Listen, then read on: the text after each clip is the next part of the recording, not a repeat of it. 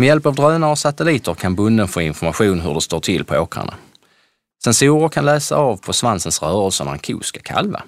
I dagens avsnitt av Mitt lantbruk ska vi titta närmare på den nya tekniken i lantbruket. Vilka möjligheter och vilka utmaningar vi ställs inför när teknologin gör sitt intåg på gården. Jag som ska guida er i dagens program heter Peter Birkensen. Det är en spännande tid vi går till mötes. I Storbritannien till exempel har ett universitet eh, i ett forskningsprojekt med namnet Handsfree Hector odlat ett helt hektar utan att en mänsklig hand ens har varit inblandad i det. Det låter lite grann som rena science fiction, men vi är väl rätt så närma den verkligheten. Lantbruket har ju blivit högteknologiskt och med mig i studion här i Malmö har jag William Håkansson, en av grundarna av Vultus, ett företag som utvecklar ny teknik för att skapa tjänster åt lantbrukare. Välkommen William! Tack! Och på telefon har jag med mig vår egen skadespecialist Stig Nielsen och chefen för Södra Skogsägarnas innovationsgrupp Johan Thor. Välkomna ni också! Tackar! Tackar! Jag vänder mig först till dig William. Eh, ditt företag eh, menar att ni kanske sitter inne med lösningen på ett vanligt problem inom lantbruket, eh, nämligen övergödning eller att vi inte gödslar rätt. Kan du förklara lite grann hur er, alltså er tekniska lösning fungerar? Ja, så vad vi mäter egentligen är planthälsan ehm, på de fälten vi tittar på. Och det gör vi med genom att egentligen på samma sätt en person tittar på fält och kan se skillnader i grönskan i det. Fast med mycket mer exakta redskap, satelliter då i detta fallet. Och det gör vi med jämna mellanrum för att se var variationerna i fältet finns. Och sen baserat på de variationer och studier som har gjorts så kan vi hjälpa lantbrukaren eh, få reda på hur mycket som ska gödslas på de olika ställena i fältet. Och den informationen kan man alltså skjuta rakt ner i, i en styrdator till gödningsspridaren till exempel? Exakt, om man har en gödningsspridare och en terminal som klarar av styrfiler så kan man eh, köra den informationen direkt. Ja. Sen ifall man vill köra det manuellt så kan man också använda de kartorna vi använder. Är det här bara någonting för de stora driftslantbruken eller eh, med stora arealer eller kan en, så att säga, den normala, vad ska man säga, lantbrukaren också kunna, kunna hantera det här? Vårt mål är egentligen att alla lantbrukare ska kunna använda detta. Och då handlar det bara inte om lantbrukare i Sverige som är ett rätt så utvecklat land, utan lantbrukare runt omkring i världen. Så vad vi vill göra är att kunna skapa ett redskap som vilken lantbrukare egentligen som helst på olika delar av världen kan tolka vad det är de ska göra och ge dem rätt information. Mm, just tolkningen skulle jag säga som lite svår, men vi kanske kommer tillbaka till den lite senare. Eh, har ni nu gjort någon beräkning på alltså, hur stor besparing det skulle kunna vara för en normal lantbrukare som sådant? Ja, så om man tittar på de olika jämförelserna som görs med olika traktorburna sensorer så känns, känner vi att det ger en rätt så bra indikation av vad vi kan klara av att bespara. Ungefär Yaras endsensor är en bra indikation av vad den här tekniken kan göra. Mm. Fast vad vi försöker göra är egentligen få upp den till satelliter. Ja, just det. Så då brukar man räkna på omkring 500-600 kronor per hektar. Fast sen handlar det också om en stor eh, barriär vi ser är faktiskt implementationen i terminalen eh, för att folk ska börja använda det. Och, och våga använda det också. Våga använda det också, precis. Ja, det hade, hade ju då jag som tycker om spakar, gamla, gammaldags spakar, hade jag då haft lite ångest en stund. Men jag hade väl lärt mig det också. Finns det andra miljöproblem eller eh, miljöaspekter som man skulle kunna lösa med ny teknik tror du? Eh, jag tror att det är viktigt att vi fokuserar på just övergödningen för det känns som vi har en bra lösning på det. Men i framtiden ser jag också att växtskyddet kan optimeras på den information som, man lätt, som kan vara lättillgänglig för odlare.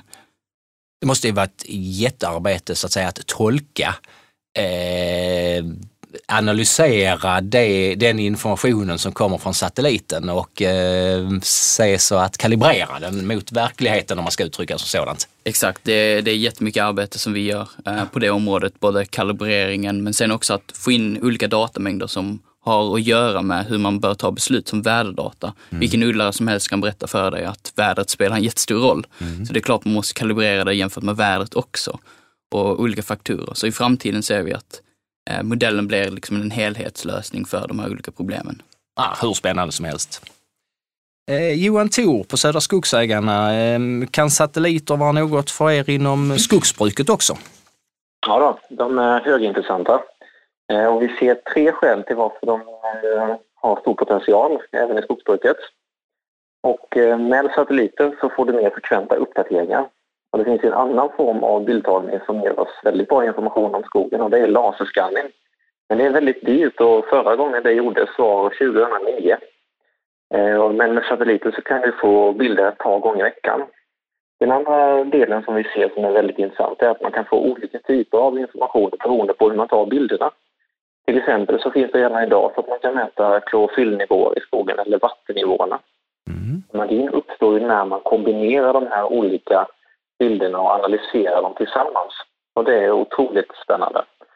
Eh, och sist men inte minst, eh, det här satellitdatat som vi vill använda det är ju faktiskt gratis. Det finansieras helt av EU-medel.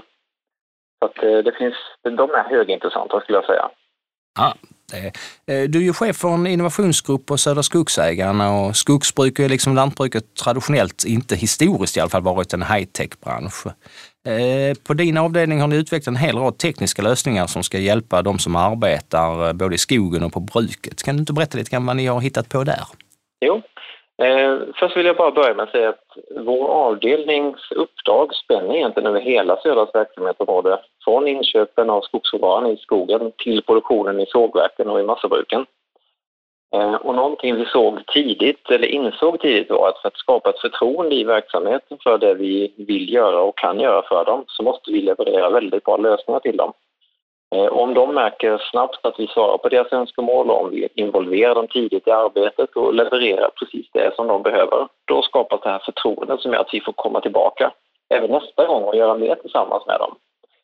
Eh, och det första uppdraget vi faktiskt fick var att, Eh, som ny avdelning var att leda en workshop tillsammans med eh, våra avverkningsentreprenörer och eh, produktionsledarna på Södra Skog.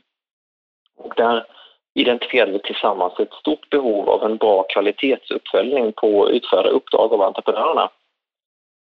Och nuläget där visade sig vara ganska dåligt på så vis att varje produktionsledare själv fick leta efter information i Excel-ark, papperslappar och ett par, tre olika gamla system som de hade. Och sen fick de själva sammanställa den rapport som de tyckte berättade en, en bra bild av eh, det som hade gjorts i skogen. Eh, så det vi gjorde var helt enkelt att vi utvecklade en helt egen app för de här produktionsledarna. Och på ett bräde så sparade vi där ungefär 5-10 timmar per produktionsledare och vecka vilket var en, en stor besparing för en, en, grupp som var redan tidigt ganska pressade tidsmässigt sett. Så appen som de fick, den är alltid uppdaterad med de senaste rapporterna så du kan egentligen bara grabba tag i din iPad och, och springa ut och göra din, din feedback till eh, entreprenörerna. Och, eh, är det, är det då annan... alltså till exempel alltså, hur, om man, hur mycket fröträd man lämnar kvar eller är det hur mycket grotar är eller vad, vad, hur? Ja, eh? Den rapport som tas fram är ju en, dels en, en, en, rapport över utfallet. Hur mycket blev det på det här uppdraget? Hur mycket trodde vi att det skulle bli?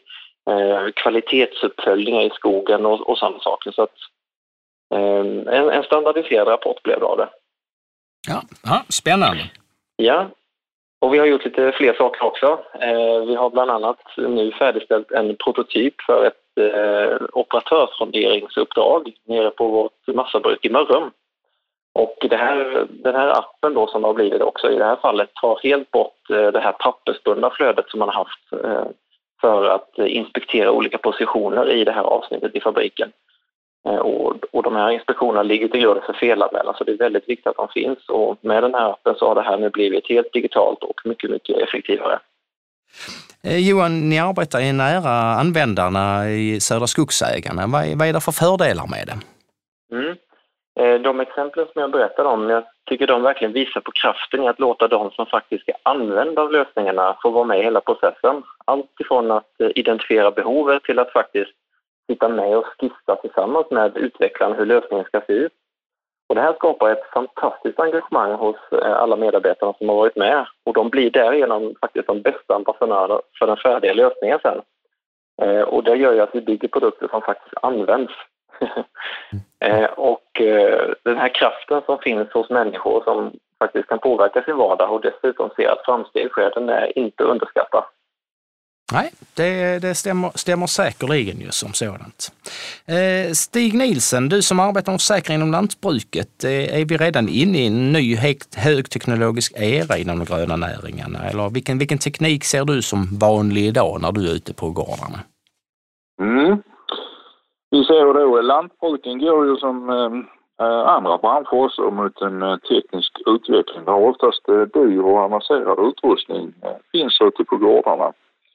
Det vi kan säga nu så är väl en trend då att eh, eh, buset och tjuvarna riktar in sig mot den här eh, utrustningen som då kanske är dyr att eh, ersätta och eftertraktad på, på marknaden. Och vi har ett exempel på de här GPS-utrustningarna, traktorerna som har varit eh, stöldbegärliga.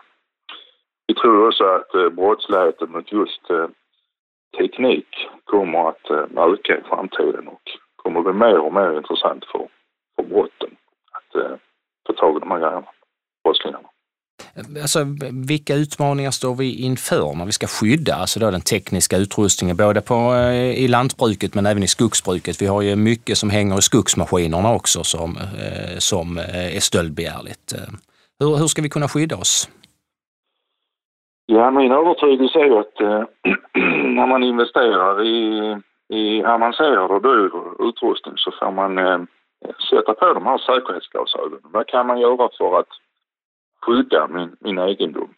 Eh, ibland ser vi också att eh, tillverkarna kanske inte i första hand har lagt eh, mycket krut på att skydda egendomen. Jag tänker mer på att man kan, ja, man kan lösenordsskydda med, med olika mjukvarulösningar och så vidare. Annars är det de här klassiska, man får larma, man får eh, se till att eh, ta det med sig från maskinen om det går i värsta fall. Man får eh, låsa in sina grejer.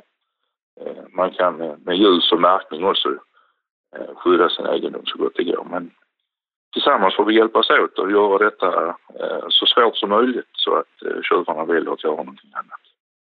Jag tänkte att eh, William Håkansson och Johan Thor som avslutning skulle få göra en liten framtidsspaning. Alltså vilken teknik som vi inte ser idag inom skogs och lantbruk tror ni skulle vara vanlig om tio år till exempel? Om vi börjar med William, vad säger du? Eh, jag tror framförallt att självkörande och självgående maskiner kommer bli mycket större i framtiden. Ehm, och sen så tror jag att intelligensdelen eh, på de maskinerna håller redan på att testas idag. Um, och då pratar jag liksom om vår lösning till exempel, men andra lösningar kring olika slags uh, medel som sätts i fälten. Men sen i framtiden handlar det också om att driftegenskapen också kommer på plats. Så en mer automatiserad och självgående lantbruk ser jag absolut framför mig. Vad säger eh, Johan Thor? Ja, det, det, är inte lätt att blicka så lång tid framåt. Det, det enda man kan säga är att man kommer förmodligen att överskatta tiden som behövs för att skapa det jag kommer förutse. Ja. Men eh, för att vara lite på den säkra sidan så nämner jag någonting jag själv tror väldigt starkt på och jag tror det här kommer komma mycket tidigare. Och det är användningen av eh, machine learning i stora delar av eh, Södras verksamhet. Det handlar om allt från att analysera skogen och innehållet till att styra processer i industrin på ett mycket mer optimalt sätt än vad vi kan göra idag. Och eh, vi har otroligt bra förutsättningar för att detta ska bli verklighet i och med att vi har väldigt mycket data på olika platser i våra processer och i vår industri. Jag är helt säker på att det här kommer bli verklighet eh, mycket tidigare än inom de tio åren. Men precis som William säger så tror jag också väldigt mycket på det här med automationen. Det kommer bli, det kommer bli stort. Mm. Ja, och jag läste i morse läste jag en eh, artikel om problemet att få tag i duktiga maskinförare ja, som sådant. Eh, läste jag i en lantbruksapp här, eller en, en nyhetsflöde. Och eh, då, då kan ju, kan ju faktiskt eh, tekniken hjälpa till på vägen. Ja. Sen behövs det väl alltid någonstans någon människa ändå, hur som haver. Det kommer vi väl nästan aldrig ifrån ju. Så att, eh. Ja, vi får se hur det blir med det. Ja, det, det ger sig. Eh, jag tackar eh, William Håkansson från Vultus och Johan Thor från Södra Skogsägarna samt Stig Nilsen från Nätsäkringar Skåne att ni var med oss idag och eh, hoppas ni får en fortsatt bra dag här. Tack. Tack så mycket. Den 28 februari gick nomineringstiden ut för priset Elmia Lantbruk Innovation Award som delas ut vartannat år och premierar teknik och uppfinningar som lyfter det svenska jordbruket. Vi har med oss en av jurymedlemmarna, lektor Per Frankelius, som till vardags arbetar på Linköpings universitet. Eh, välkommen Per! Tack så mycket! Om du tittar på föregående år, är det någon, spe, någon speciell uppfinning som du tyckte var extra intressant eller speciellt bra? Ja, det finns eh, flera att välja på givetvis, men eh, en som far upp i mitt huvud det är en eh, uppfinning som kallas för Sweep Conveyor. Det är alltså en silotömmare. väldigt många lantbruk har ju stora silosanläggningar och en del av dem har platta bottnar så att säga. Och det är ett ganska eländigt problem att ösa ur det sista i silon. Och då hade då Skandia Elevator uppfunnit en slags svepande, jag ska inte säga att det är en sopkvast för det, det är avancerad teknik, men man slipper sopkvasten och skovlarna och kan på det sättet tömma stora silos effektivt. Och det fick de Eh, de vann 2014 med det och det, det tycker jag har arbetsmiljöpoäng och den eh, produktivitetspoäng och eh, väldigt intressant innovation. Och, det, alltså då, och då är det så att man den, den är tömd så att säga, där ligger ingenting kvar när den är färdig? Ja, det är som en, det, det, det är som en, så att säga, en slags borste med, med gummiskivor, ungefär som en liten turbin som som eh, kretsar kring en centrumpunkt i silon och, och sveper runt i golvet och tar upp all spannmål på slutet. Då. Ah. Eh, så, så, det här är en inomgårdsprodukt. Men eh, det finns ju massa andra. John Deeres stora rensverk här med 30% minskad vikt tack vare högårfast stål. Det tycker jag det är en storartad innovation eftersom markpackningen är ett så stort problem i branschen. Så, men jag ska inte ta mer tid, men alltså det finns ju många innovationer i historien här som, som har väldigt stor betydelse inom, det, inom sitt speciella sammanhang. Och speciellt med tanke på hösten vi hade i fjol så tänker jag på, eh, på eh, markpackning så är det verkligen ett högaktuellt ämne i alla fall i Skåne skulle jag vilja säga. Ja, och många av dem har tendens att fokusera på symptombehandling. Alltså, man kan ju ha hur många bandställ som helst, men om tyngden är grundfelet, då har man inte löst grundproblemet med en massa bandställ och så på tröskel. Och det där kan man se i flera sammanhang att lantbruket eh, löser ibland inte grundfelet utan man symptombehandlar. Eh, I ditt, I ditt arbete på Institutionen för industriell och ekonomisk utveckling vid Linköpings universitet ansvarar du för ett projekt som heter Grönovation. Eh, som just är inriktat på innovation inom gröna näringarna. Eh, ni arbetar ju tätt med näringen. Alltså, vilken typ av innovationer efterfrågas av näringen? En sådan är att få fram svenskt foder med lika bra proteintäthet så att säga som importerat sojamjöl från Brasilien exempelvis. Eh, ett annat eh, område det är viltskador många har enorma problem med viltskador och det vet väl försäkringsbranschen att eh, viltskador eh, är en viktig fråga. Och, eh, innovationer som kan eh, minimera det är önskvärt. Ytterligare en sån här behövd eh, innovation som inte riktigt är löst det är ju då växtskyddsmetoder som storskaligt och lönsamt fungerar eh, med minimal användning av kemi så att säga.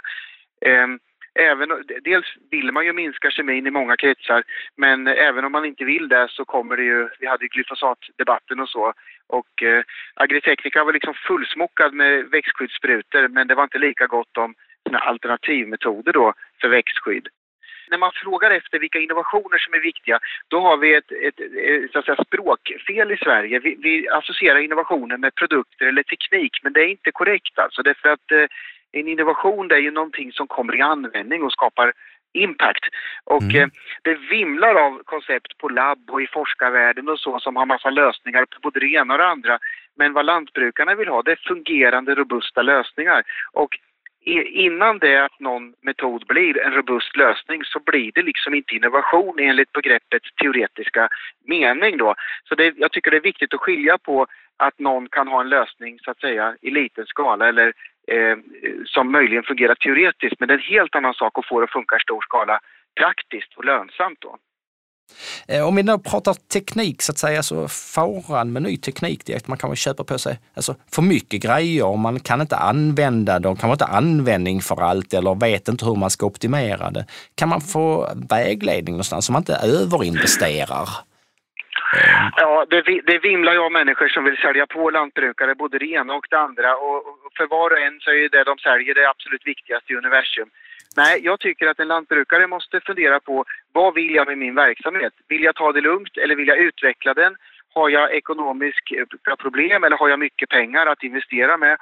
Vilka vägar vill jag gå? Alltså vill jag gå på traditionell väg eller vill jag testa något innovativt eller vill jag omvärldsbevaka och, och hitta liksom in, i, imitera smarta grejer från USA eller så. När man väl har bestämt vad man vill med sin verksamhet, då tycker jag man ska titta på den så att säga produktionsprocess man har. Om det är djurgård så har man då, låt säga, eh, kocykeln då med, med med laktation och brunst och så vidare. Och har man spannmålsgård så är det då kanske jordbearbetning, sådd etablering, gröda, hantering. Om man bygger en sån modell över sin verksamhet så kan man fundera på vilka innovationer eller andra eh, hjälpmedel skulle kunna skapa bättre intäkter eller minskade kostnader, eller bättre arbetsmiljö eller bättre image för mig inom de här olika delarna. Så att jag tror alltså att man genom att göra en diagnos av sin verksamhet så kan man få en mer nykter syn på liksom balansen mellan ska jag teknika eller ska jag köpa ny torkanläggning eller ny eh, eh, traktor. Eh, och när man väl vet vad man egentligen bör göra liksom, då kan man sätta upp den där vågskålen. Vad är det för negativt med den här investeringen? inköpskostnad, inlärningstid, buggar och strul som inte står i broschyren och så vidare. Och på den positiva sidan ökade intäkter, minskade kostnader, arbetsmiljö eller image. Och image ska man inte underskatta för att man kanske har generationsskiften och sådär och, och, och det är viktigt också med att veta varför man investerar. Eh, I Storbritannien har regeringen anslagit 90 miljoner pund, alltså nästan en miljard för att utveckla jordbruket med hjälp av ny teknik, eh, bland annat robotar och artificiell intelligens och dataanalyser. Eh, helt fantastiska summor. Den här podden kanske leds, leds snart av en programmerad bot eller robot, men än så länge är det jag, Peter Brickén, som sitter i studion i alla fall. Jag tackar Per Frankelius för att du var med i programmet idag det här var jätteintressant och vi kommer säkerligen komma tillbaka till dig vid tillfälle. Tack så jättemycket! Tack själv! Vill du lyssna på flera avsnitt av Mitt Lantbruk så kan du göra det på webben www.lansforsakringar.se skane mitt lantbruk. Du kan även prenumerera på Mitt Lantbruk där poddar finns. Tack för att du har lyssnat och hej då!